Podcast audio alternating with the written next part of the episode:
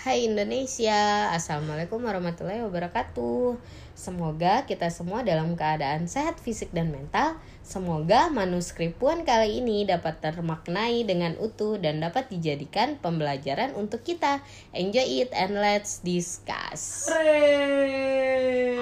Asik Kayaknya suara kita dekat. Apakah kita sedang berdekatan? Karena kita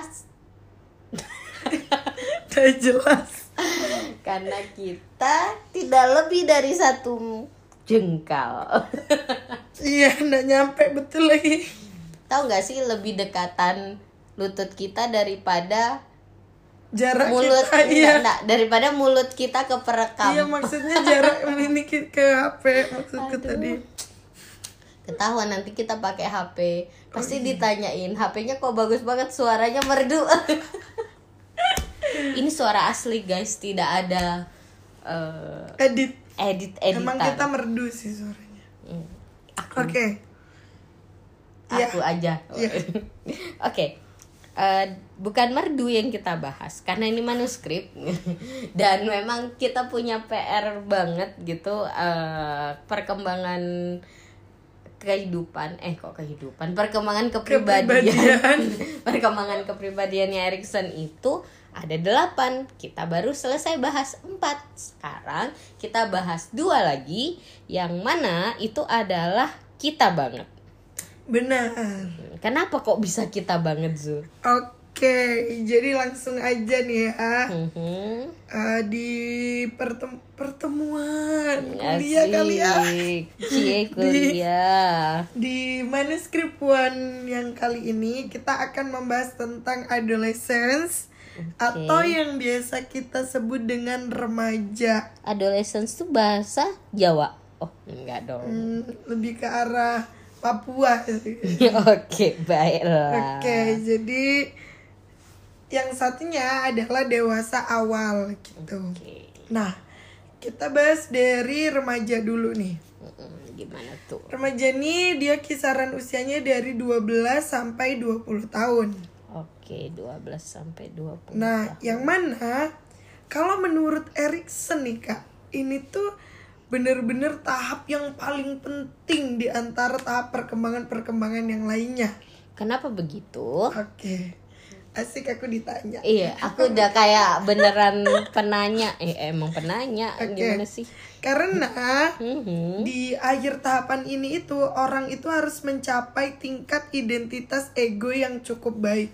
Jadi bahkan ditulisnya itu nggak baik gitu, bukan yang langsung yang baik gitu, tapi yang cukup baik karena memang Cukup. di karena memang di tahapan ini itu benar-benar terjadi cukup banyak pergejolakan gitu, yang mana untuk Oke. mencapai kata baik pun itu nggak semudah itu gitu.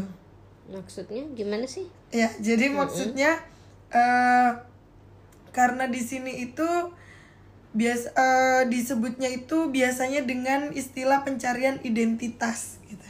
Oke. Nah, yang mana? pencarian identitas. Betul. Nah, yang mana dalam proses pencarian identitas itu membutuhkan proses yang cukup kompleks gitu dan dalam prosesnya itu untuk mencapai kata baik sempurna itu memang agak sulit gitu loh Kak karena memang banyak dinamika gitu di dalamnya. Nah, makanya mungkin di sini ditulisnya cukup baik gitu. Karena ketika sudah mencapai di cukup baik itu kelak akan bisa menjadi baik gitu. Oke. Nah. Tapi sebenarnya masa remaja ini eh, nyambung nggak sih sama yang tahapan sebelumnya itu? Nyambung, tetap nyambung. Hmm, nyambung. Jadi memang dia nggak bisa nyari identitas dong kalau belum selesai di yang sebelum. Nanti kita bahas. Wow, terlalu visioner. Oke, Iya, baik. memang sudah terbiasa. Oke, nah terus Terus eh mungkin di di apa di mas tahapan remaja ini mereka itu akan mencoba berbagai cara dan mencoba-coba peran baru sambil terus berusaha menentukan identitas ego yang mantap begitu ditulisnya. Yang mana di fase remaja ini itu adalah salah satu fase yang adaptif dari perkembangan kepribadian dan identiknya itu dengan fase mencoba-coba gitu.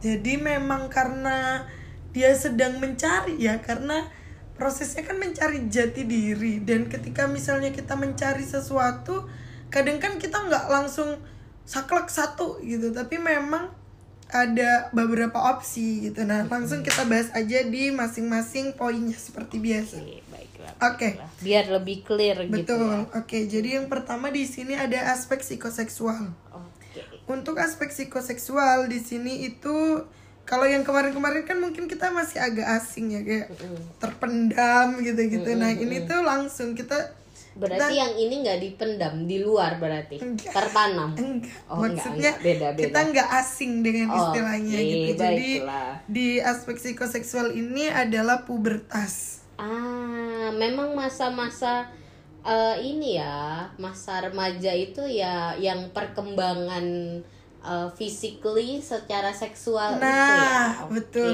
betul. Jadi di fase remaja ini eh dia sudah mulai memasuki tahap kematangan seksual gitu. Nah, yang mana bagi Erikson Mhm. pubertas penting bukan karena kemasakan ah, kematangan aja nggak suka aku istilah kemasakan.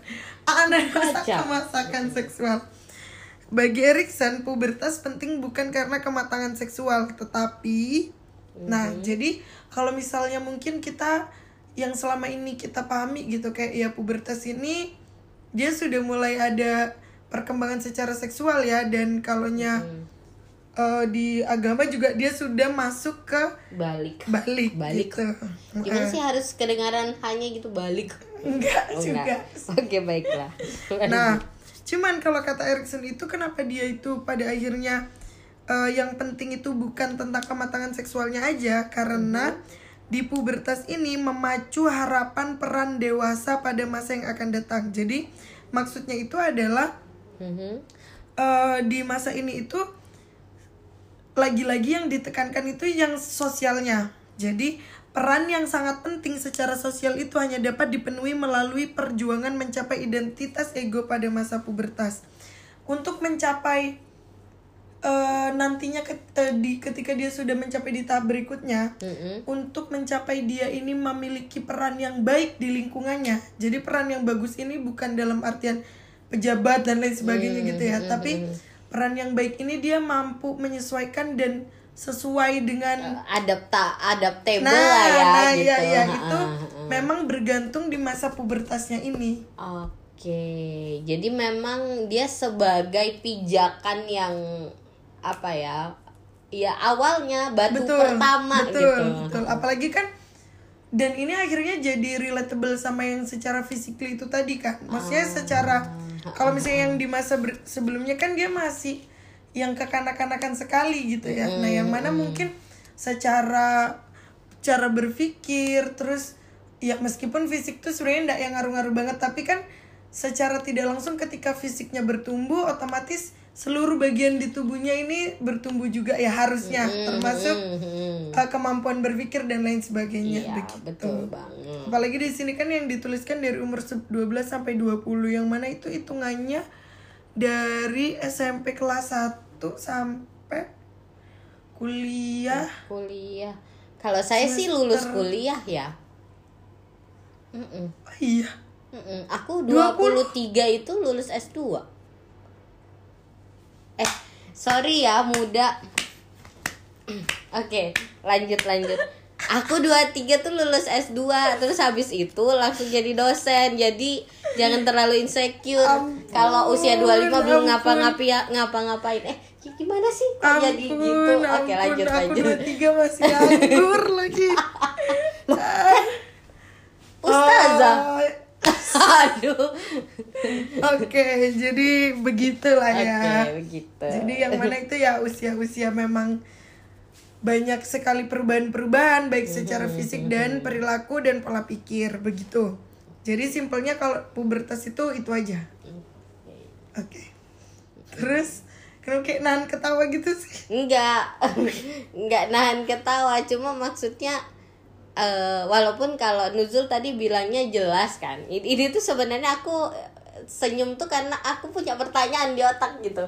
Oh iya, gitu. tuh, apa tuh? Jadi kan tadi Nuzul bilang sebenarnya relate antara eh, apa sih perkembangan fisik nyambung dan uh, nyambung ke peran sosial di masyarakat itu itu tuh nyambung sama perkembangan fisik Terus aku gini tapi aku merasa nggak nemu nyambungnya ya maksudnya gini eh kalau pubertas itu kan jadi eh, secara seksual alat-alat alat-alatnya sudah, berkembang eh, ya alat-alat kok alat-alat sih ya bahasanya ya paham Eh, maksudnya tubuh- organ iya, organ. iya, eh, organ-organ seksualnya kan berkembang gitu. Hmm. Eh, yang perubahan suara kalau laki-laki ter apa namanya nih pertumbuhan Jakun. jakun terus itu eh, kalau perempuan aku sebut aja lah ya santai Boleh, gitu boleh. Eh, eh, dada terus itu beberapa rambut-rambut di bagian-bagian tertentu yang gitu-gitu kan Hmm. nah nah tapi Iya. terus terus apa peran sosialnya Iya, apa paham, paham. begitu Enggak kak, jadi kalau yang tadi perkembangan fisik yang aku maksud itu enggak yang konkret secara Oh, begitu. salah ya oke Tapi gini. tapi itu benar, pubertasnya Ah, ah, begitu. ah, tapi ah, yang aku maksud itu secara keseluruhan gitu, yang mana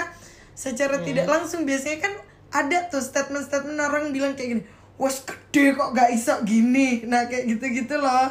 Ah. Kayak misalnya, misalnya nih ya contohnya, misalnya dia udah SMP gitu. Mm-mm. Wah, rek wes gede gak iso masak. Nah, lalu yang kayak gitu-gitu oh, loh. j- itu bukan physically tapi itu peran sosial juga kan Tapi kan wes gedenya ini dari sisi fisiknya juga yang jadi ya pertimbangan. elah cuma dari segi usia bukan sih wes gede itu Iya Ah. sih, benar benar. benar. soalnya aku langsung otakku itu ke fisik maksudnya fisik Oke, dalam yang artian konkret gitu ya. perkembangan organ sistem Tubuh. di tubuh manusianya itu gitu. Kecuali nih ya ini ini memang pasti ber bukan berguna sih pasti nyambung.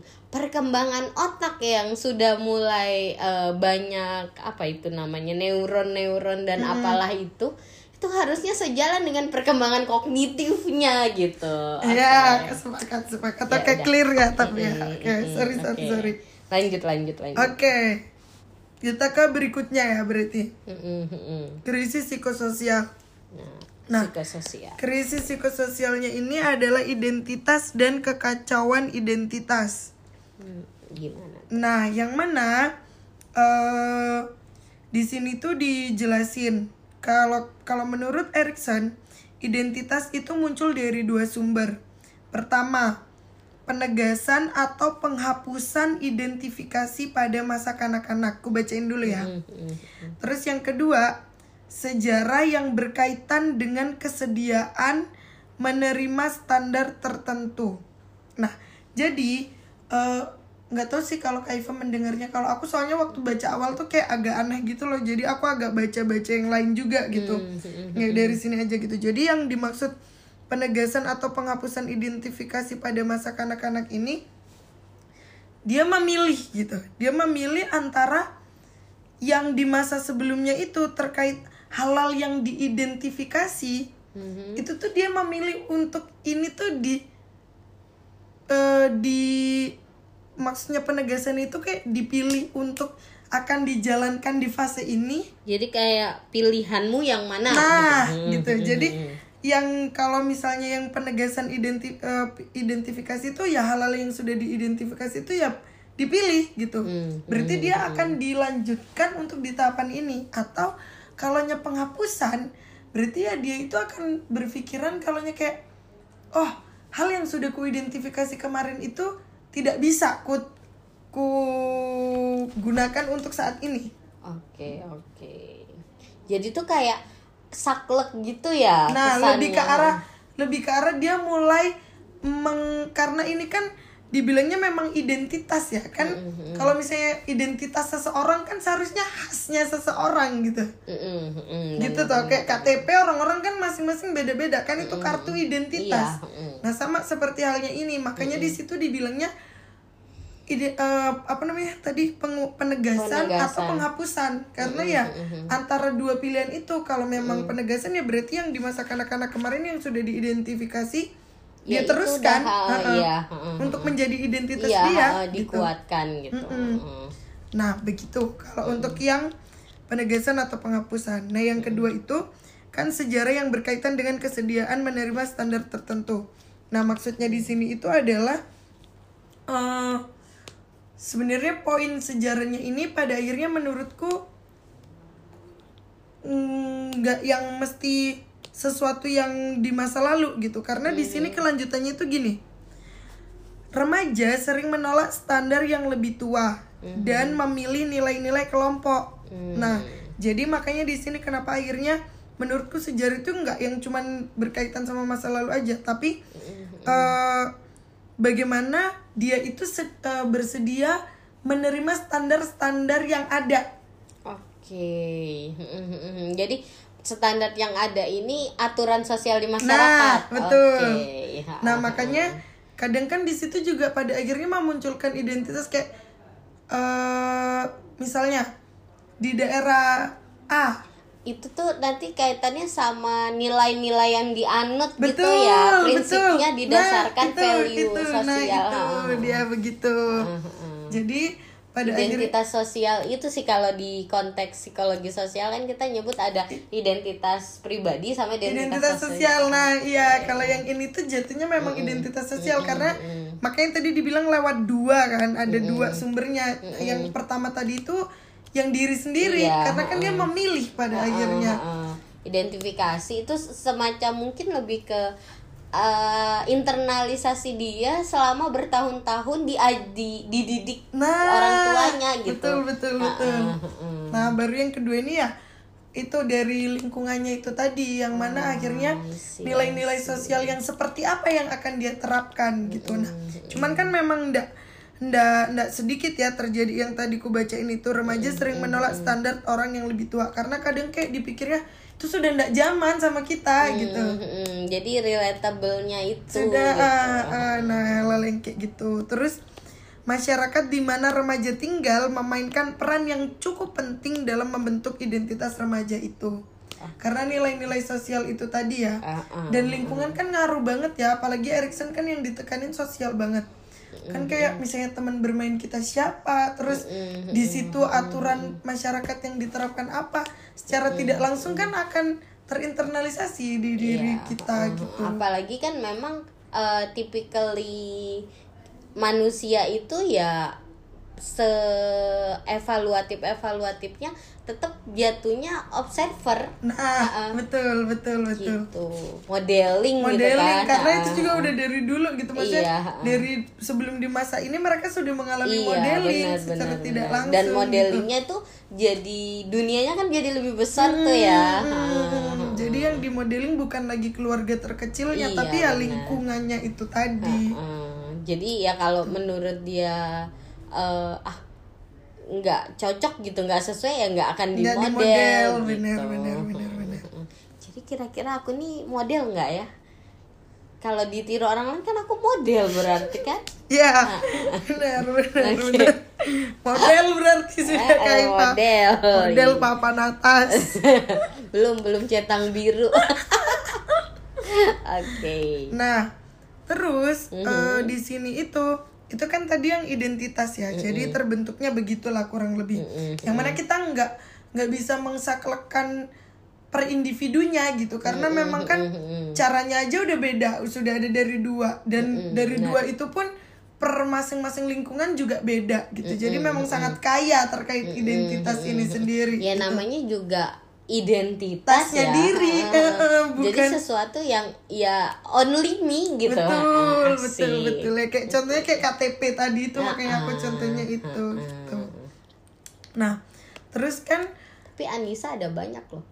kan KTP-nya Anissa Nurul Aziza cuma satu. Yang Anisanya pakai double N di belakangnya ada hanya. Soalnya kalau yang nggak begitu ada.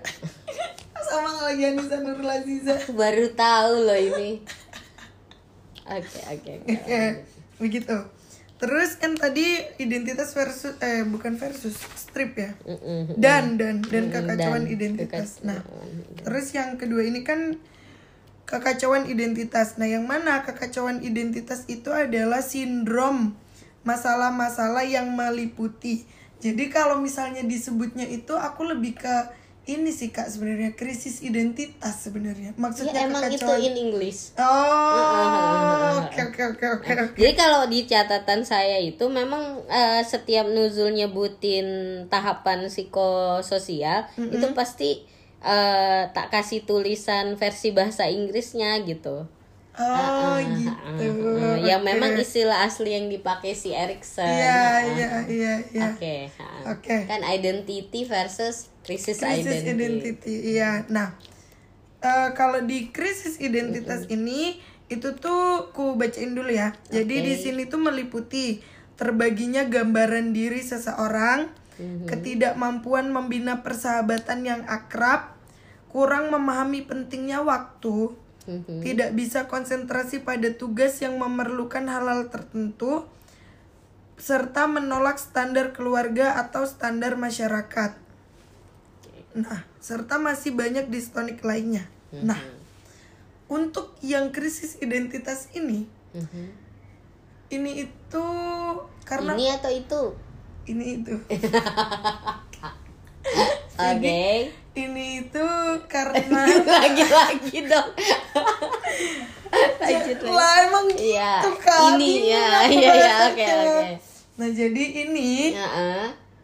Sangat tuh hilangkan oke, gitu ya. oke. Sangat eh, kalau aku baca simptom-simptomnya yang di sini ya, masalahnya yang di Mm-hmm. sini itu sangat relate dengan permasalahan yang banyak kutangani saat ini di BK sekolah. Ah, ketahuan kan Ustazah BK sekolah. BK sekolah loh, Oke, banyak kan iya. sekolah. Karena memang usia mereka tuh usia ini ya betul, remaja. betul, betul. Nah, Oke. jadi emang permasalahan yang paling dominan itu mungkin kalau kita yang udah di tahapan berikutnya akan menganggap kayak receh banget sih. Jadi yang tadi banget ini ku rasain, yang tadi pagi banget. Hmm. Ada yang wali asrama itu yang eh, selama-lama sudah terkuak makin Eh, iya, konkret lanjut, lagi. lanjut, lanjut. Jadi wali asrama itu yang sampai gupu gitu ada yang dibilang ini udah nggak mau masuk sada.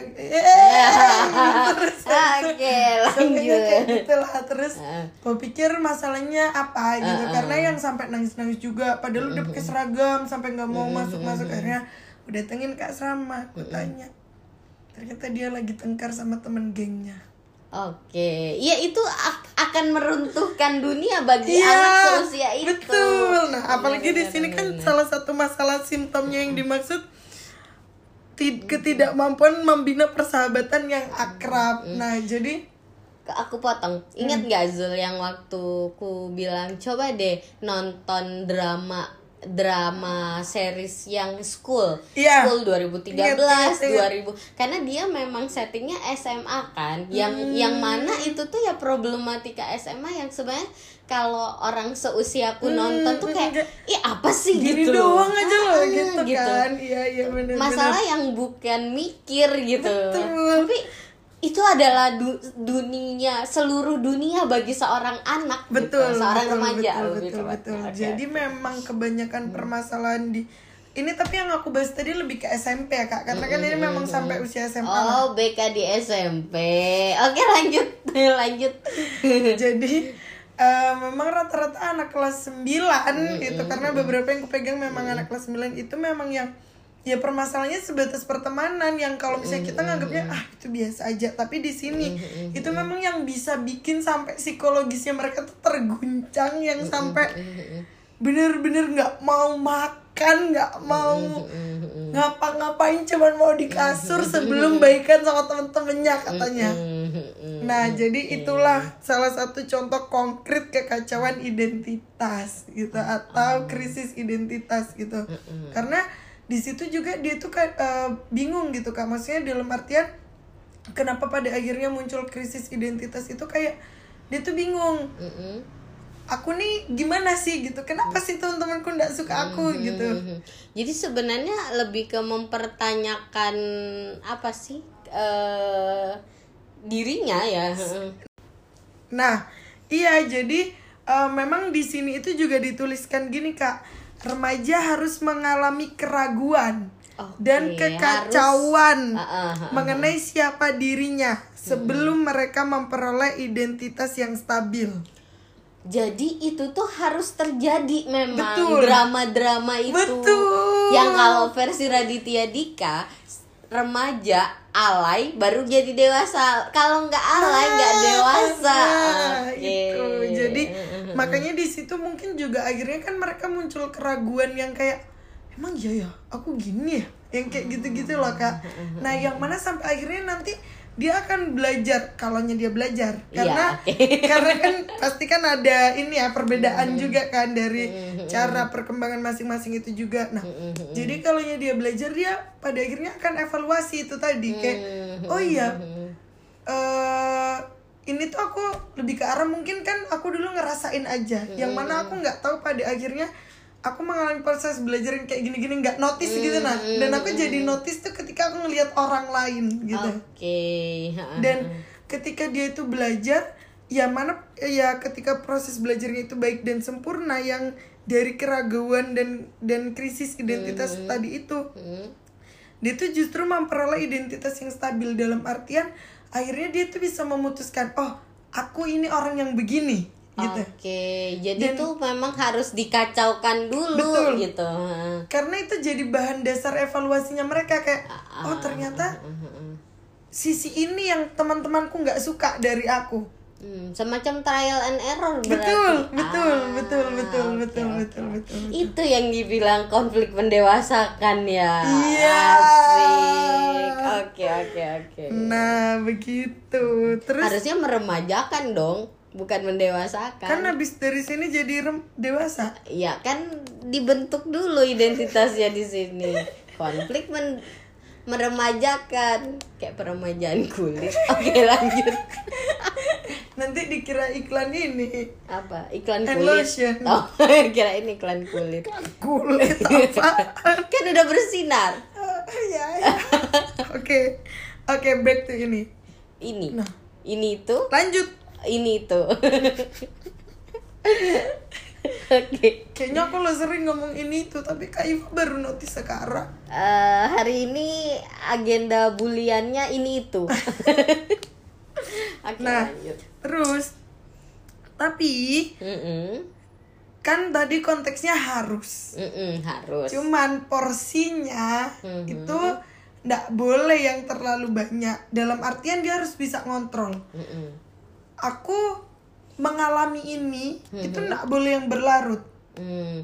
Nah. Jadi sebenarnya bukan banyak bukan banyak sama sedikit nggak sih, tapi apa krisis ini terselesaikan apa enggak? nah Oke. itu bahasa yang tepat Uh-uh. karena terlalu berlarut dalam krisis identitas itu tadi Mhm. akan berakibat penyesuaian eh penyesuaian memunculkan patologis yang mana bentuk patologisnya itu adalah regresi ke tahapan yang sebelumnya Ah, karena dia semacam menarik di kayak Nah. dia tidak mampu memahami ini kenapa ini Iya, kok bisa gitu. Iya, akhirnya Mm-mm. makanya di sini juga bisa dia eh, balik ke fase kanak-kanak yang kayak akhirnya dia sudah apa dia tetap di tahapan yang manja yang kayak gitu-gitu loh patologisnya. Jadi ya wes akhirnya dia karena ada evaluatif dan proses belajar itu tadi, terus dia berlarut di situ akhirnya nggak ditemenin sama temennya dia kacau balau dengan pikiran-pikirannya sendiri dan dia tidak ada proses pendewasaan yang kata Kak Iva tadi itu tadi. Mm-mm.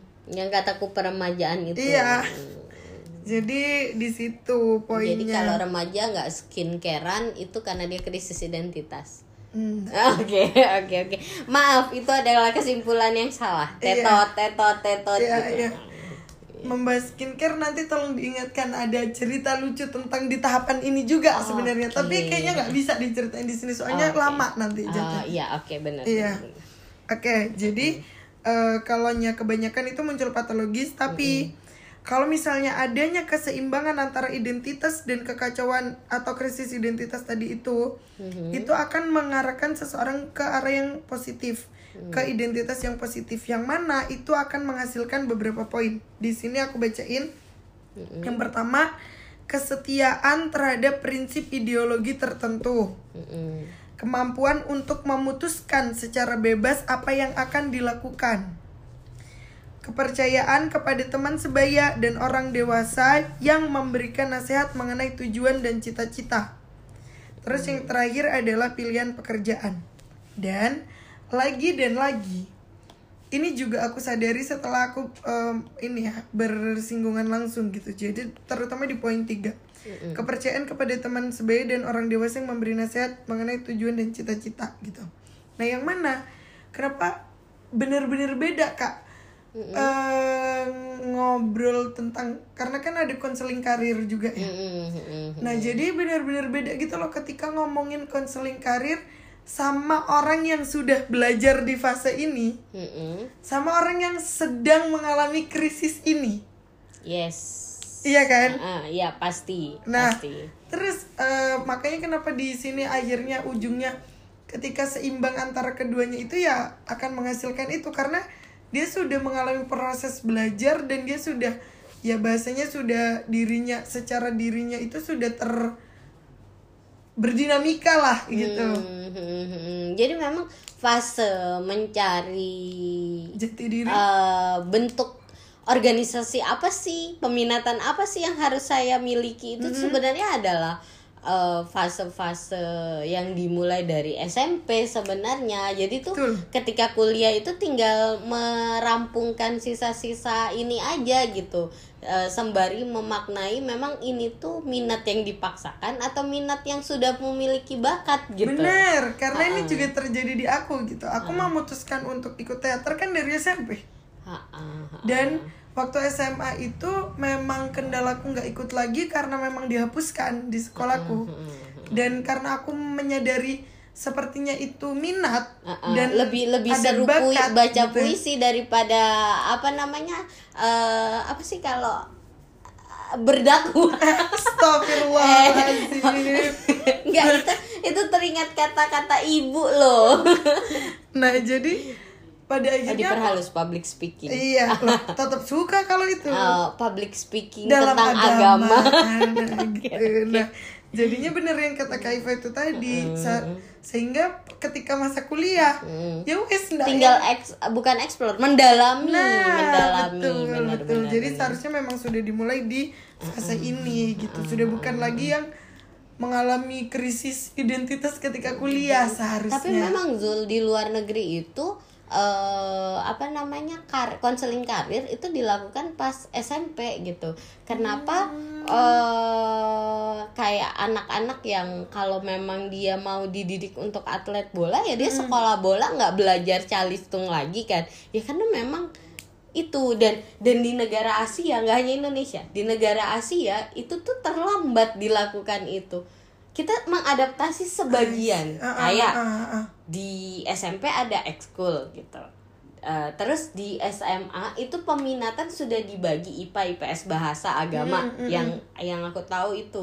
Cuma agama ini cuma di sekolah Beberapa Islam. sekolah, Mm-mm. ah, ah. terus di kuliah lebih detail lagi tuh penjurusan. Itu sudah diadaptasi itunya. Tapi proses mencapai pemilihan ini itu tidak dilakukan Benar, gitu. benar, benar, itu yang disayangkan karena hanya berdasarkan sayangnya ya lagi-lagi eh, psikotes psikotes yang dilakukan itu tuh eh, standar IQ terus itu Metode kecenderungan kepribadian Mm-mm. yang untuk mengarahkan dia cocok peminatan untuk di SMA itu loh Oh, iya, iya, IPA iya. IPS atau bahasa jadi itu standarnya IQ kepribadiannya gitu Ter- terus apa namanya ya IQ juga sih karena intelligence-nya dia lebih cocok verbal Ah, ah, ataukah numerik apa gitu kan. Jadi tuh kasihan banget kalau menurutku gitu. Benar, padahal orang pinter superior gitu.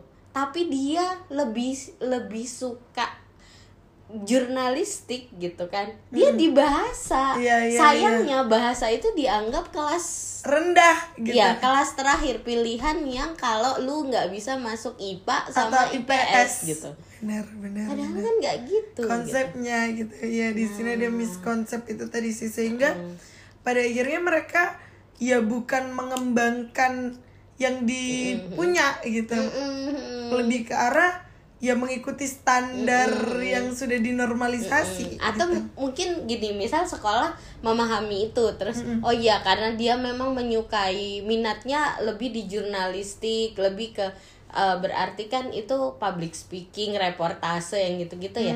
Tapi orang tuanya gini lah nilai IQ anakku sepintar ini kok kamu Mas, masukin suruh ke bahasa bahasa, sih? Iya. gitu kan. Bener, bener, itu bener. sudah ya itu lagi tantangannya gitu jadi keresahan ini kita Iya. kayaknya di masa remaja Ah, nih ini ya. mungkin karena karena ndak ada keresahan puan jadinya di manuskrip agak merempet merempet gitu ya. Ah, oke Oke, oke sebenarnya kalau untuk di psikososial sudah sih kak itu aja. Mm, poinnya ya itu ya. Apa namanya eh, si krisis kris eh kok Identit- krisis dan identitas. identitas krisis identitas dan Krisis identitas. krisis identitas Ya, Oke. begitu. berarti Jadi- sekarang kita masuk ke virtu, Virtu. Oke, nah ini menyinggung dari poin yang didapatkan ketika adanya keseimbangan tadi. Yang pertama kan ada kesetiaan terhadap prinsip ideologi tertentu. Hmm, Nah, virtunya adalah kesetiaan. asik. Tapi kesetiaan yang dimaksud ini memang masih nyambung sama yang di atas tadi sih. Jadi memang kesetiaan terhadap pandangan ideologi. Ini aku bacain ya. Jadi setia yang dimaksud dalam beberapa pandangan ideologi atau visi misi masa depan. Dengan kemantapan standar internal tingkah laku, remaja tidak membutuhkan lagi bimbingan orang tua. Dan mereka kini memiliki keyakinan bahwa agama, politik, dan ideologi sosial akan memberikan standar tingkah laku yang konsisten. Jadi yang dimaksudkan di sini adalah ketika dia sudah mampu me- melewati identitas versus krisis identitas itu tadi, Mhm. kan pada akhirnya dia akan belajar belajar banyak itu ya kak dan dari situ dia akan memunculkan ketika dia sudah memilih dia akan lebih sebenarnya bahasanya lebih ke arah konsisten sih maksud setia ini kak. Jadi dia sudah konsisten dengan ideologi yang di- dia pilih gitu. Hmm, nah terutama terkait pandangan ke masa depan gitu. Nah ini nyambung sama yang kita bahas tadi. Jadi terkait cita-cita dan lain sebagainya. Di tahapan ini tuh mereka sudah kan bukan lagi kayak misalnya kalau SD kan ini sebelumnya berarti SD kan kayak apa cita-citamu? Dokter semua job dokter gitu kan nah kalau di sini sudah enggak dan dia ada di aku enggak. Aku juga enggak. Ini kan yang banyak terjadi gitu kak. terus eh, di tahapan ini mereka sudah menjawab itu sesuai dengan visi misi masa depan seharusnya gitu. Dan dari situ ya ketika sa- dia seimbang antara keduanya tadi itu dia akan konsisten dan bagaimana cara dia mewujudkan itu gitu. Aku bekerja di tempat yang aku nggak cita-citai loh. Oh iya. Mm-mm. tapi secara pekerjaan? Nggak pengen juga? Enggak lah iya apa sih cita-cita? Kan pekerjaan Nah, ada kita nggak, ada aku- kita sebut cita-cita yang bukan aku pekerjaan miskomnya itu Apa, di apa? tempat yang nggak aku pengenin Iya. bukan di profesi Oh, oh, ah, ah, ah. maksudnya di ya pekerjaanku itu Iya, bukan iya, cita-citaku iya, iya, iya. Gak pengen tahu cita-citaku. apa itu Pramugari. Serius. Pramugari. Terus oke, banyak oke, banget yang ketawa ekspresi ada juga kayak ekspresi menertawakan gitu. nggak menertawakan loh Kesal saya. Ini mau mempublish loh, ini mempublish cita-cita. Sampai sekarang itu menjadi cita-cita. Ah, setia berarti Iya kan setia jadi cita-cita. iya meski nggak terwujud tapi untuk usaha ke sana tapi kayak ada Enggak. nah, berarti nggak Oh, jadi Ada, ada, tapi Apa tidak itu? dalam segi physically. Itu yang berproblem gitu. Masalahnya syarat utamanya itu proporsional antara berat badan dan tinggi, Tinggi badan. badan, Itu benar, dia benar, problemnya. Nah, begitu.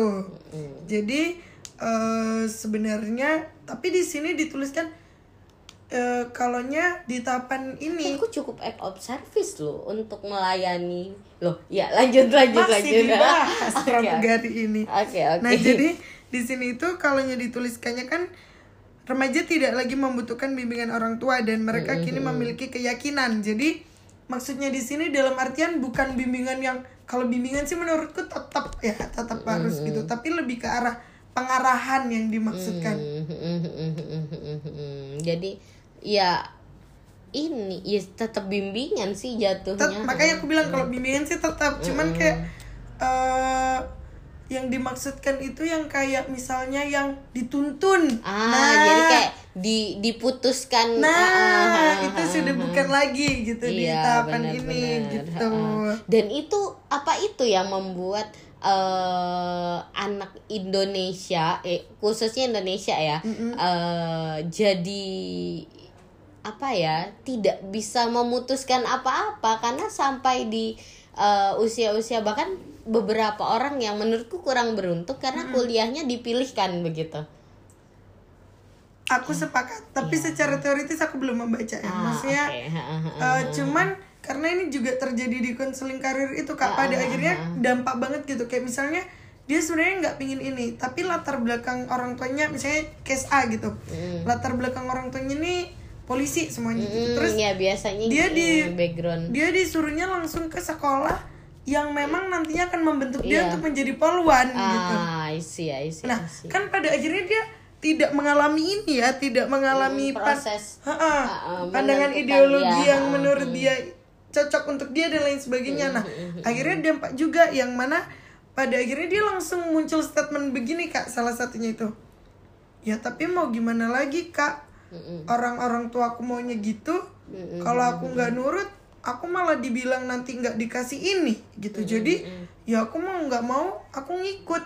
Nah, secara tidak langsung kan berarti ada hal yang dia tekan benar, benar. Ya, jadi sesuatu yang eh, antara dua sih ada typically yang memang dia sebenarnya tahu dia mau apa tapi akhirnya dia tetap menuruti atau yang justru malah Antah sebaliknya jadinya ya. itu eh, dia terbiasa untuk mengikuti dan dia tidak menyadari bahwa seharusnya tidak begitu Betul, sehingga betul, satu betul. waktu dia diminta untuk mengambil keputusan dia mengalami kebingungan karena karena selama ini aku tidak pernah ditanya untuk keputusan apa? Ya, gitu benar, terus kok benar. sekarang gue ditanya keputusan gitu benar benar benar benar Oke, nah oke. terus di sini itu malah disinggungnya itu dari masa bayi kak Hmm. mereka harus mengembangkan virtu harapan selama masa bayi kemudian harus diikuti dengan kekuatan dasar yang lain yakni kemauan tujuan dan kompetensi Hmm. semua menjadi prasyarat kesetiaan jadi eh, istilahnya itu untuk yang virtu yang di kemarin-kemarin itu ya itu berlanjut Nah, gitu. itu. Jadi nggak cuman yang di tahapan ini aja langsung bisa muncul kesetiaan. Kalau yang kemarin-kemarin itu belum tuntas Iya, gitu. karena memang kalau aku balik ke yang usia sekolah yang sebelumnya itu kan dia virtunya kompetensi, Kompetensi. kan, jadi eh, dia harus memperjuangkan apa bukan Yang dimau. memperjuangkan, ah, eh, kayak kayak me- mengasah diri Nah, di betul, situ kan betul, gitu, betul, betul. baru akhirnya dia karena menempa diri berkali-kali itu yang akhirnya jadi bahasa kesetiaan Ah, ah, gitu ah, ya. ah, bener bener bener. Begitu. Nah, terus sisi patologis dari kesetiaan adalah penolakan atau ketidakmampuan menggabungkan berbagai gambaran diri dan nilai-nilai ke dalam identitas. Yang mana outputnya itu ketika eh, tidak mampu menggabungkan berbagai identitas diri lah ya maksudnya di sini itu tuh dia akan muncul malu-malu atau penyimpangan-penyimpangan yang lainnya. Nah, jadi maksudnya malu-malu ini dalam artian karena dia tidak punya identitas itu. Kayak dia pun masih bingung terkait mungkin lebih ke tidak percaya diri kali Iya, ya iya. Jadi dia akhirnya kayak muncul kalau misalnya dia mau melangkah kayak iya nggak ragu- sih? Gitu eh, ya, iya, jadi iya. nggak bisa menentukan dengan tegas gitu Hmm, karena dia ya itu tadi tidak percaya diri atau malu-malu ini ya kalau ditulisnya di sini gitu. Terus hmm, selain malu-malu itu eh, tidak percaya diri itu tadi ada juga memberontak terhadap otoritas secara terbuka. Dalam artian itu pemberontakannya itu kalau aku ya nangkepnya itu kayak yang tipe-tipe anak-anak yang pada akhirnya karena dia sudah nggak ngerti nih arahnya ke mana akhirnya ya wis dia ngelanggar peraturan-peraturan di sekolah yang yang akhirnya ya itu just for fun gitu nggak yang ada tujuannya karena memang dia sudah nggak tahu ini mau ke mana gitu. Kayak lebih ke ya belum jadi anak apa maksudnya cupu banget SMS zaman sekolahnya kalau nggak tahu bolos nah yang gitu-gitu iya ya. nah kayak gitu-gitu. Jadi penyimpangan lain yang di, yang dimaksudkan tuh begitu. Mm, jadi sebenarnya bukan hal yang eh, bermasalah gitu ya. Mm, oke oke oke oke. Oke. Sebenarnya memang karena Erikson itu ngomong tahapan remaja ini tahap paling penting ya. Kalau yang aku baca remaja memang paling panjang ah dibandingkan yang sebelum iya sebelumnya lihat aja kita sudah satu jam kalau Oke. digabung sama yang tadi gitu ya oke kurang dikit lah Ah, ah, ah. nah terus sudah begitu oke Nah. Di- dilanjut ke legali Ritualisasi. eh, eh, sorry ha. oke ya aku kok baca yang sebelumnya Ritualisasi Ah, dan ritualisasi ritualismenya. ritualism. Mm. Di sini ada ideologi versus totalisme.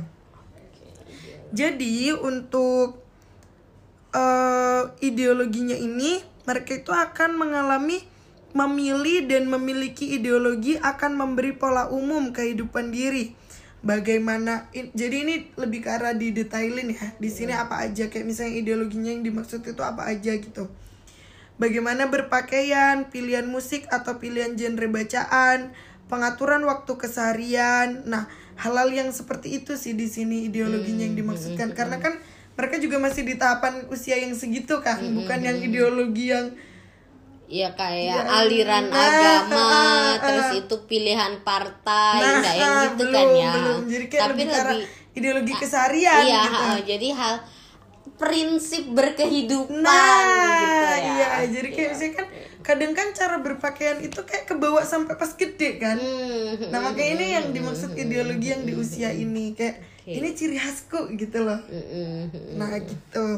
Terus eh, ritualisasi ideologi ini menjadi awal dari kesiapan diri untuk mengadopsi etika masyarakat, memilih gaya hidup yang sesuai dengan dirinya, serta menolak ideologi yang tidak dikehendaki. Jadi ketika dia merasa memang dia nggak pingin itu di masa ini, seharusnya dia sudah bisa menolak gitu, karena dia merasa kayak ini nggak aku banget gitu, nggak cocok gitu. Jadi nggak wis gitu. Nah, itu untuk yang ideologi. Terus kalau yang totalism itu pilihan ideologi yang sempit dan tertutup adalah ciri ideologi negatif atau yang biasa disebut dengan totalism. Yang mana totalism ini dia itu sebenarnya itu kalau aku yang yang aku baca ya Kak ya. Sebenarnya itu ada totalism ini yang secara positif dan negatif. Oke. Tapi totalisme yang di sini karena totalismenya kan totalisme ya. Mm-mm. Kan kadang kita menggunakan istilah totalisme ini ketika kita total dalam melakukan sesuatu. Mm-mm. Nah, Kayaknya cuman- kesannya tuh positif gitu Nah, kan ya.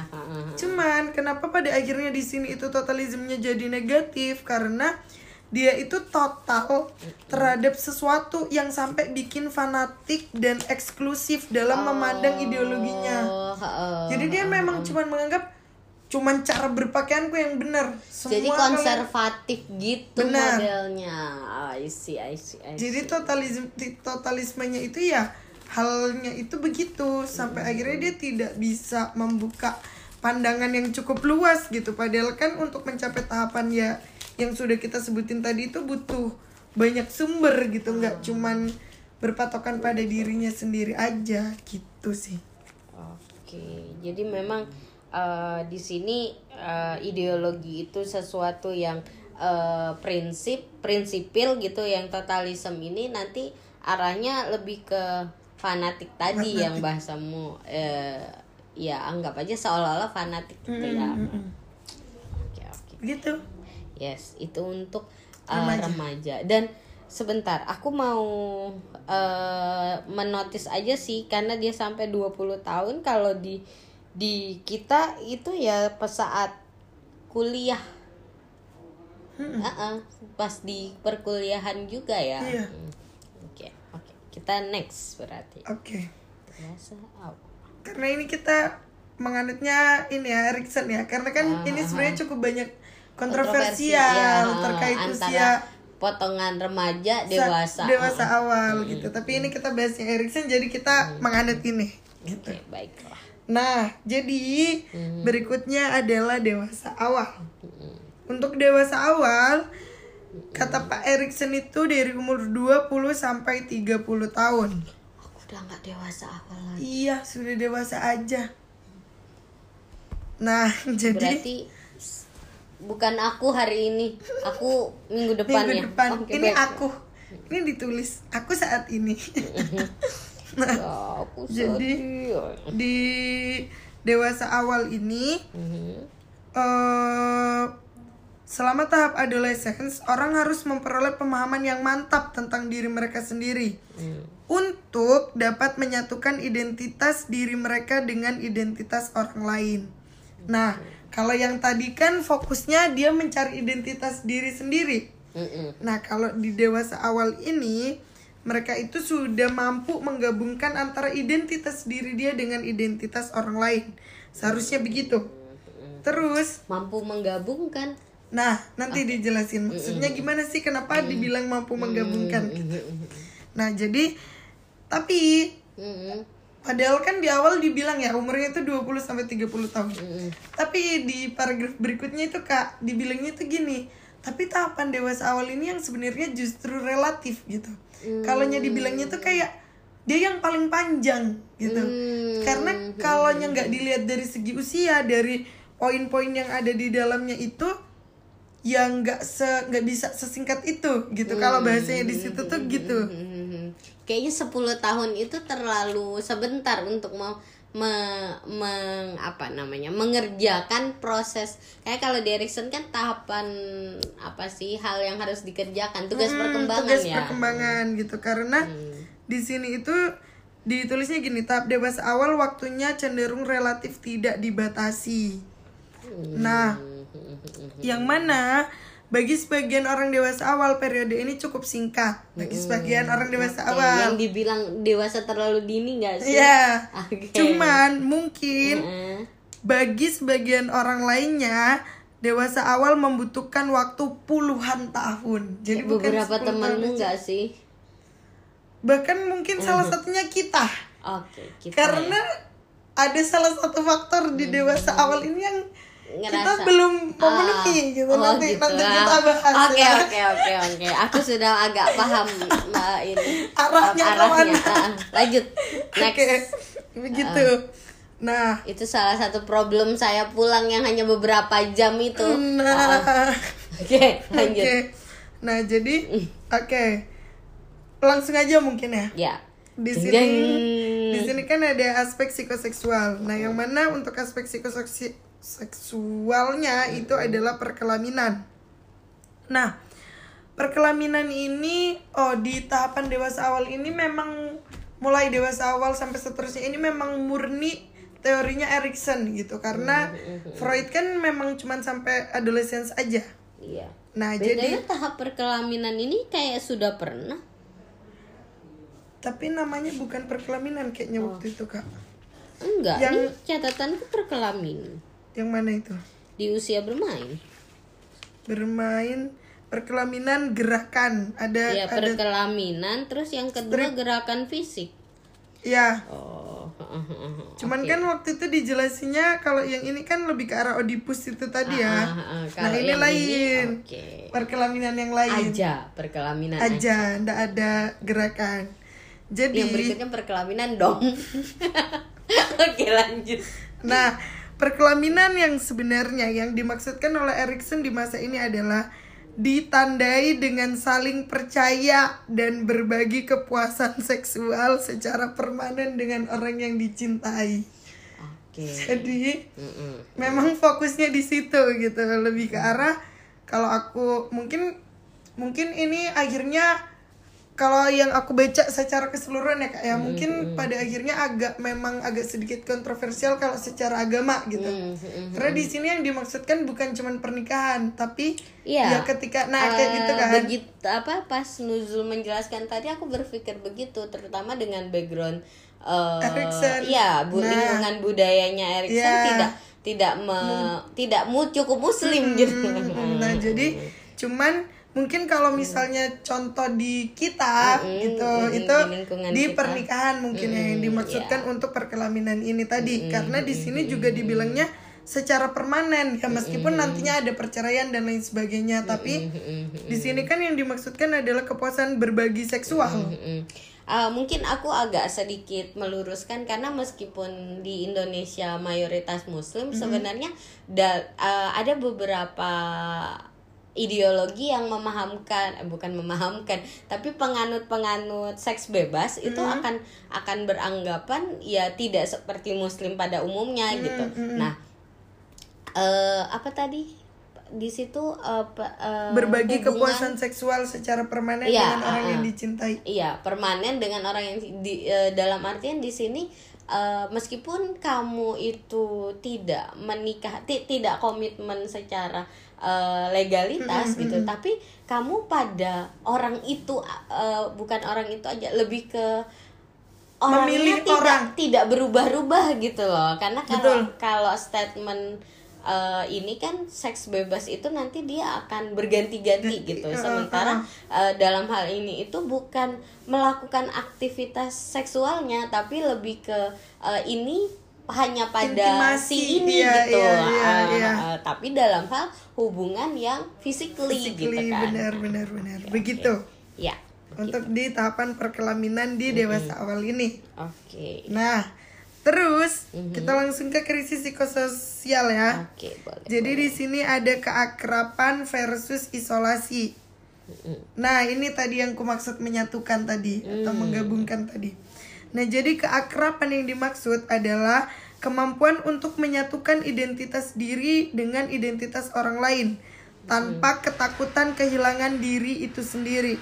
Nah, kalau aku sih Kak, nangkepnya itu keakraban ini adalah ketika seseorang itu kan orang memiliki identitas masing-masing dan ketika mereka berinteraksi secara hmm, mungkin kita bisa ngambil contohnya itu kalau di usia segini di dunia kerja gitu Hmm, hmm. kan seseorang itu sudah punya identitas diri masing-masing tapi mau nggak mau karena dia ada di bawah Institusi. Nah, akhirnya di situ muncullah penggabungan antara identitas itu meskipun dia tetap akan berdiri masing-masing.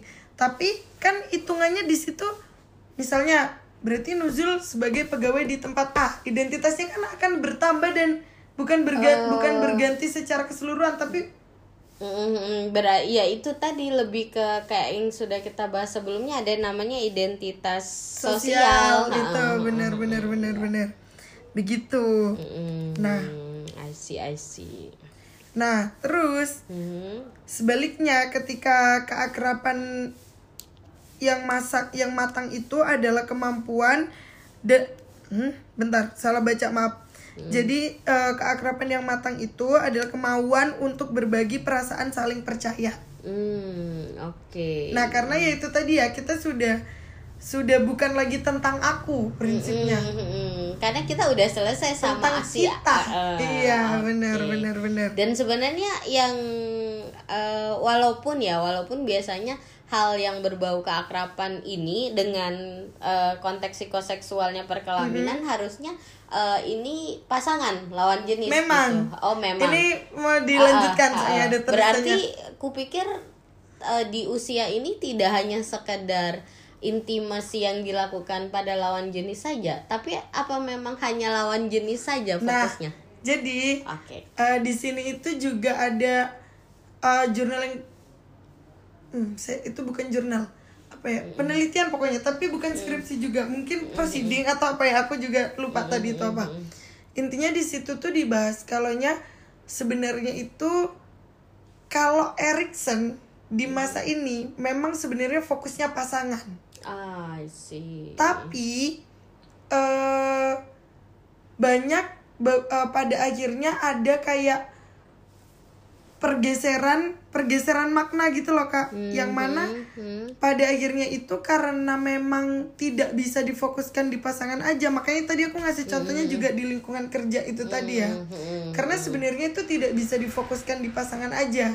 Nah jadi apa apa ya mungkin bahasanya yang tadi tuh mungkin kayak kritik teori Erikson mungkin gitu I kali ya. see, I see. bisa jadi nah sih aku agak lupa soalnya judulnya apa. Intinya tapi di situ gitu. Jadi dia itu kayak memberikan sudut pandang yang lain Hmm. begitu nah Mungkin aku agak sepemikiran sama dia karena konteks keakraban versus isolasi ini kita nggak bisa fokus hanya ke hubungan orang dengan lawan jenis bukan karena aku jomblo juga Iya, sih. iya, Ha, iya, iya. ha, ha. nah Soalnya pada pada usia dewasa awal tuh kan circle kita mengecil kan. Betul. Nah, itu loh. Ha. Nah, karena di sini itu kenapa pada akhirnya aku tadi bilang kalau Erikson sebenarnya iya fokusnya di pernikahan karena lanjutannya gini. Hmm. Itu akan melibatkan pengorbanan, kompromi dan komitmen dalam hubungan yang sederajat. Yang mana ini adalah persyaratan suatu perkawinan. Ah, dia kayak langsung Nembaknya ke Ah, arah sana. Makanya tadi oke, di awal aku oke. bilang kayaknya kita juga sih Kak karena kita belum di fase ini gitu. Ah, Kalau oke. versinya Erikson. I see, I see. gitu nah terus nah, di sini juga dibilang gitu bahwasanya eh tetapi ternyata banyak perkawinan tanpa intimita intimasi atau keakraban tadi salah satu penyebabnya karena banyak dewasa awal yang kawin sebagai bagian dari pencarian identitas mereka yang gagal di masa sebelumnya Hmm, aku setuju sih. Itu kayak statement-statement kuliah itu sulit ya udah nikah aja. Betul, sepakat gila, Ya. gila, gila aku baru menyadari ini. Oke. Iya, jadi itu contoh Iya. konkretnya. Oke, oke, oke, oke, oke. Bener sih, dan itu cukup banyak juga ya terjadi. Maksudnya, dan identitasnya bukan yang sesimpel kayak kuliah itu sulit, kayak misalnya kayak cari kerja itu sulit ya, kayak Ah, berlanjut ah, ah, lagi. iya, hal-hal Mending yang- nikah aja Ah, kayak ah, gitu. ah, sepe- se- seolah-olah aku nggak tahu ini ayat atau hadis yang bilang bahwa apa eh, masalahmu itu bisa diselesaikan dengan menikah tuh kayak itu tuh semacam apa eh, standar bahwa oh kalau aku punya masalah abis nikah, Nikah, kelar iya, gitu. iya, iya, bener, bener, bener. Begitu. Nah, itu yang tentang keakraban atau intimasi tadi. Jadi, kalau di Erikson memang sebenarnya fokusnya di itu ya pernikahan yang hubungan antar lawan jenis lah ya. Terus kalau isolasinya itu di sini adalah ketidakmampuan untuk bekerja sama dengan orang lain. Kebalikannya lah ya. Kalau yang tadi kan penggabungan ya. Kalau yang ini itu Nah, ini juga yang menjadi relatable yang kataku tadi nggak mesti di hubungan antar lawan jenis. Karena di sini juga ngomonginnya juga kerjasama gitu yang mana ya meskipun dalam satu rumah tangga juga suatu kerjasama ya sebenarnya. tapi menurutku kerjasama itu luas gitu. Hmm, hmm, hmm, hmm, benar Nah, benar, benar. jadi di sini adalah kemampuan untuk bekerja sama dengan orang lain ketidakmampuan Hmm, melalui berbagai intimasi yang sebenarnya. Nah, jadi contohnya Erikson tuh gini. Banyak orang yang sukses secara finansial atau sosial, tetapi tetap merasakan isolasi yang mendalam karena tidak mampu menerima semua tanggung jawab sebagai orang dewasa.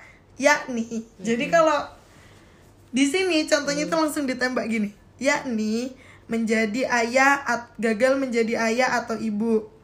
Terus habis itu cinta yang regresi serta cinta yang regresi serta kehilangan intimasi. Jadi memang cinta regresi itu cinta yang regresi itu kayak apa salah kak salah baca. Cinta yang masak Eh, maksudnya itu cinta yang masak ya, regresinya di bawahnya. oh salah baca, Oke, salah oke, baca. oke. Maksudnya di sini tuh maksudnya cinta yang masak itu kayak ketika dia gagal, Kematangan. ah, ah, kematangan cintanya itu nggak nggak yang benar-benar cinta gitu. Nah itu di sini yang mateng di pohon ya isolasi. Jatuh duluan jatuh duluan gitu. Hmm, Nah makanya jangan jatuh cinta bangun cinta itu lagu loh lebih baik eh gimana sih nadanya? Aku lupa. Oke lanjut. Oke. Begitu. Nah cuman Mhm. eh yang ini di masa remaja tadi ndak ndak terbahas. Kan biasa ada tuh pasti yang aku bilang kayak cuman itu tetap harus ada kak yang biasa kayak gitu. Nah di sini ada tuh. Jadi isolasi ini tetap harus ada meskipun kadarnya itu harus cukup. tapi s- sebenarnya terbahas secara tidak Iya, langsung. tapi Mm-mm. oh, ini yang aku maksud ini ku nadaku Oh, yang tadi oke, yang oke, oke, oke. yang biasanya pasti ku ungkapin dengan bahasa yang begitu Oh, gitu. I see, I see. Oke, nah, lanjut, jadi lanjut. di sini itu dibilangnya isolasi tetap dibutuhkan dengan kadar yang cukup sebelum seseorang mencapai kematangan cinta. I see. Jadi sebenarnya eh, normal gitu, isolasi dulu gitu Nah. sebelum jadi intimasi. Masih, gitu. bener, bener, Karena sama-sama i. Intimasi, gitu isolasi. Oke. konsepnya. Oke. Cuman kadar sebab kadar isolasi yang berlebihan itu akan membuat cinta itu jadi terasa kesendirian. Hmm. Jadi mungkin lebih ke arah kayak Di dalam keramaian aku masih merasa sepi. Oke, ini lanjut. semua dinyanyiin. nah, jadi karena di situ tadi ketika dia mengalami isolasinya terlalu dominan ya pada akhirnya dia akan ngerasa karena fokusnya memang cinta ini tadi ya dua orang uh, berpasangan itu tadi. Kalau dia merasa isolasinya yang dominan ya dia akan merasa tapi lagi-lagi kak karena aku di sini tidak mengerucutkan ke cinta aja ya kerjasamanya ini juga bisa terjadi di suatu organisasi. Ketika dia mengalami isolasi atau ketidakmampuan bekerja sama dengan orang lain ya pasti dia akan ngerasa kerja sendiri toh. Hmm, benar, benar, benar. begitu contoh dari aku. Oke. oke cukup. Nah, ke Virtu. Iya ke Virtu. Nah untuk Hampir aku Virtu- mau protes lah. Kok kok cuma dua yang ke Virtu ini adalah cinta Oke, oh Nah, Virtunya cinta. iya. Oke, manis sekali. jadi cinta yang dimaksudkan Erikson itu apa sih Love. bukan Oh, bukan. Cinta adalah kesetiaan yang matang. Bahkan Sebagai kesetiaan udah tadi. Oke, oke, oke. Cinta adalah kesetiaan yang matang sebagai dampak dari perbedaan dasar antara pria dan wanita. Hmm. Cinta bisa bermuatan intim intimasi juga. Akan tetapi tingkat cinta di dalamnya isolasinya harus sedikit. Hmm. Nah, jadi di sini itu yang dimaksudkan itu lebih ke arah ya wes sebenar-benar cinta gitu maksudnya dia. Karena yang di sini kan yang ditekanin kesetiaan yang matang. Karena kan tadi di sini dijelasin juga ya kalaunya eh, keakraban ini menyatukan perbedaan dan lain sebagainya. Nah di sini itu kayak menerima perbedaan itu gitu. Ah, oke. Nah, karena di sini tuh ditulisnya gini kak, karena masing-masing partner tetap boleh memiliki identitas yang berbeda dan terpisah. Hmm. Jadi makanya di sini itu istilahnya kayak cinta tanpa syarat gitu loh kak. Oke, ini terlalu perfect. Nah, Hmm. Pilia kalau kata Steinbeck. apa? Pilia, ada Pilia. tujuh. Eh, ada tujuh jenis kan? Nah, Pilia itu yang Ah. P H I L I A. Oh, oke oke oke. Pilia. Oke. Nah, begitu.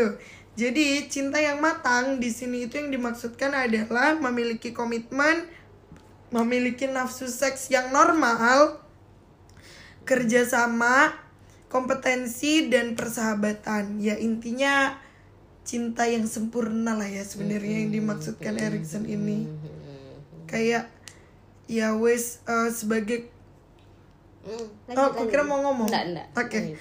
Jadi kekuatan dasar dari dewasa awal ini yang membuat orang bisa berkembang secara produktif pada dua tahapan perkembangan yang terakhir. Intinya kayak cinta ini penghidupan di usia berikutnya gitu. Hmm, jadi dasar lah ya. Iya, iya. Hmm, Jadi dasar berumah tangga juga sih. Mm-mm. Karena kan itu Usia poinnya, berikutnya sebenarnya poinnya yang di berikutnya kan sudah ke dewasa yang dewasa sama yang usia tua kan jadi Ah. makanya di sini tuh kayak udah yang bukan lagi cinta yang bersyarat gitu. Ah. makanya dibilangnya sudah menerima apa pun perbedaannya dan tetap nggak menghilangkan identitas satu sama lain gitu. Tapi justru menyatukan itu dengan keharmonisan.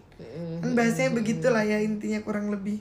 Tapi di sini itu menunjukkan Erikson itu seorang psikoanalisa bukan bukan seorang humanistik. Karena eh, meskipun dia mengacu ke masyarakat tapi eh, proses tahapan perkembangannya itu sangat individual Diri- sekali bener, dan itu bener, menelusur bener. ke dalam gitu. Mm, Ha, mm, mm, mm, Oke, lanjut. Oke.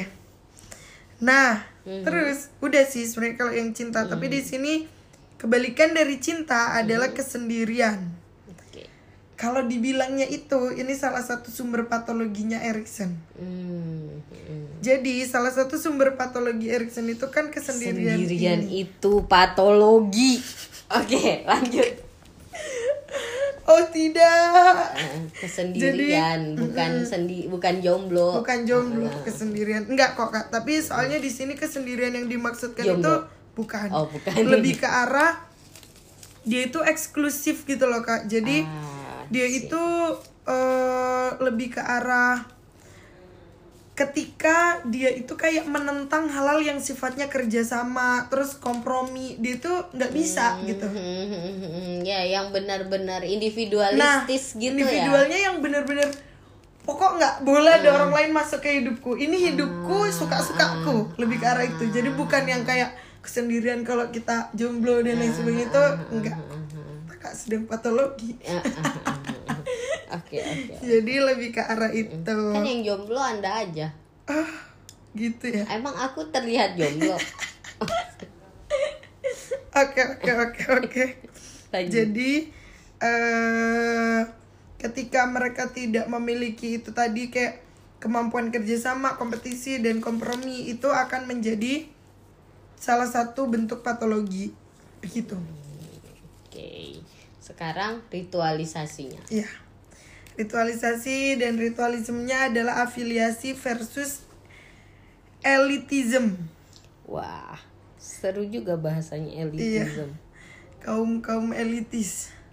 Nah jadi di sini itu yang dimaksudkan afiliasi eh, refleksi dari kenyataan. Eh, kalau sebenarnya kan kalau secara KBBI itu yang aku baca kalau KBBI-nya itu pertalian ketika dia tergabung dalam sebuah organisasi. Mm-mm. Nah, cuman yang di sini itu refleksi dari kenyataan adanya cinta, mempertahankan persahabatan serta ikatan kerja. Nah, sebenarnya sama sih. Yang digarisbawahi kan pertaliannya Poinnya, itu tadi. yes. Nah, jadi afiliasi ini juga mendorong seseorang untuk pada akhirnya tidak memunculkan kesendirian itu tadi. Karena ketika dia merasa ada pertalian antar Mhm. dua orang atau lebih itu akan memunculkan hasrat untuk bekerja sama, untuk bisa bekerja sama, terus eh memunculkan kalau di sini sih contoh konkretnya itu perkawinan itu tadi ya. Mhm. Terus dalam perkawinan itu kayak misalnya nanti mereka akhirnya bisa libur bersama, terus kayak acara keluarga yang mana itu kan pada akhirnya bukan identitas dua orang lagi, tapi identitas banyak orang itu tadi yang mana pertalian persaudaraan. Istilahnya jadi begitu kalau di sini. Nah, Tapi memang eh, ketika Nuzul ngomong afiliasi versus elitism, em, poin afiliasinya itu aku langsung teringat need need affiliationnya Murray gitu. Nanti kita akan bahas sendiri ya kalau Murray itu. Cuman memang eh, salah satu poin ketika orang psikologi ngomong afiliasi itu memang nggak nyen nggak nyentuh eh, organisasi. buka iya nggak nyentuh istilah yang ada di KBBI, KBBI. secara umum gitu bahasa secara umum karena dia akan bahasa halusnya itu need need for affiliation itu adalah kebutuhan akan kasih sayang gitu Ah, jadi eh, lebih ke relasi antara orang dengan orang yang lain, Lain. dalam artian ya disayangi ya diperhatikan Anggap. ah, ah, ah, Bener. Gitu. Nah, terus kalau misalnya afiliasinya baik, dia akan membentuk kelompok eh, apa ya? Istilahnya itu akan memiliki pola hubungan yang baik juga gitu. Nah, tapi ketika afiliasinya itu sangat-sangat dominan, kelompok itu justru akan menjadi eksklusif Oke. karena eh di sini dijelasin kelompok eksklusif itu yang artinya dia sangat tertutup, sukar dimasuki. Nah, ini yang jadinya elitism tadi. Jadi sangat tertutup, sukar dimasuki anggota baru dan anggota mempunyai kode-kode khusus untuk berinteraksi. Nah, sekte berarti. Nggak sampai sih. oh ya enggak enggak enggak sampai enggak sampai. Sebenarnya kalau yang untuk kode-kode khusus ini mungkin agak kurang relatable ya karena eh mungkin Agenda yang sampai segitunya gitu. Oke, Nah itu tadi kebacain aja gitu. Tapi lebih ke arah ketika maksudnya kenapa sih kok bisa afiliasi yang begitu kuat itu kok bisa sampai memunculkan afilia eh elitism itu tadi? Karena dia benar-benar yang akhirnya dia yang apa sih bahasanya kalau yang sangat mencintai kelompoknya tuh? Eh, kan ada istilahnya fanatik. tuh. Ada selain fanatik. Ya wis tapi kita anggap fanatik. Ya begitu. Oke. terus dia akhirnya begitu dan dia akhirnya memunculkan yang tadi itu tadi ya kayak in group favoritism. Oh oke itu istilah sosial sih. Lanjut lanjut Nah, terus eh, yang mana elitism ini akan memandang orang luar itu dengan perasaan penuh curiga dan merendahkan gitu. Nah, bisa juga ini tuh tidak berlaku di suatu kelompok aja, tapi ketika dia mengalami elitism itu juga bisa di suatu hubungan. Jadi karena eh, apa ya? Si afiliasinya ini terlalu kuat, akhirnya dia kayak meman Nah, bucin yang sampai kayak mandang orang lain tuh kayak yang enggak cuman pacarku aja. iya gitu. Nah, kayak iya gitu. Yang ya bucin dalam artian sebenarnya se- eh, maksudku eh, kadang eh, orang itu menyalahartikan bahasa bucin yang Sayang jadi eh, sayang ya, gitu. orang bukan orang yang perhatian sama pacarnya itu kan wajar gitu tapi kalau eh, budak eh, eh, artinya semua kebutuhan pacarnya dipenuhi Penuhi, gitu. betul, meskipun betul. dia kesulitan gitu Betul, Nah, karena budak kan ah, istilahnya. karena budak cuma eh, jomblo-jomblo selalu bilang orang yang kasih perhatian ke pacarnya tuh bucin gitu iya, iya. padahal elunya aja yang nggak punya tempat nggak punya objek yang harus diperhatikan Iya, gitu betul, kasihan oke Ya kurang lebih begitu sih. Mm-mm, gitu ya oke menarik Cuman sebenarnya kalau yang hubungan itu nggak dibilang sama Pak Erikson itu dari sumber lain. Nggak di buku ini. oh masalah hubungan Nggak maksudnya yang tadi kalau nya Hmm. elitismnya yang di sini kan yang dimaksudkan kelompok, tapi yang hubungan ini aku dari sumber lain. Oh, asik asik. Agak kontradiktif di Ericksonnya sendiri ya, ketika Hmm. dia memberikan contoh itu eh, tidak konsisten. Iya, gitu. bener, bener. Kayaknya dia punya masalah deh di usia remaja, masih nggak konsisten loh dengan Iya, teorinya. nggak setia, berarti kesetiaannya nggak ada ini. Ah, ah, begitu ya. Begitu. Satu jam Oke. setengah. Ah, iya. Semoga bisa diupload ya. Iya, amin. Ya. Eh, agak dipercepat, sorry banget gitu. Jadi tanpa kesimpulan dan mungkin orang pasti agak bosan, tapi ini adalah topik yang sangat menarik. Iya, buat Ah. kita sih. Ah, ah, Semoga buat orang lain juga. Di akhir-akhir aku agak menyesali yang harusnya satu tugas perkembangan itu satu kali tag itu sih. Tapi begitulah. Oke, Eh, seperti biasa tidak disimpulkan memang eh, dan sorry agak banyak eh, obrolan-obrolan yang sudah nyala temanya panjang terus itu eh, diajak ke mana-mana gitu. Seperti itulah Terima kasih sudah mendengarkan. Semoga tidak hanya kami yang merasa relatable. Saya akhiri. Wassalamualaikum warahmatullahi wabarakatuh.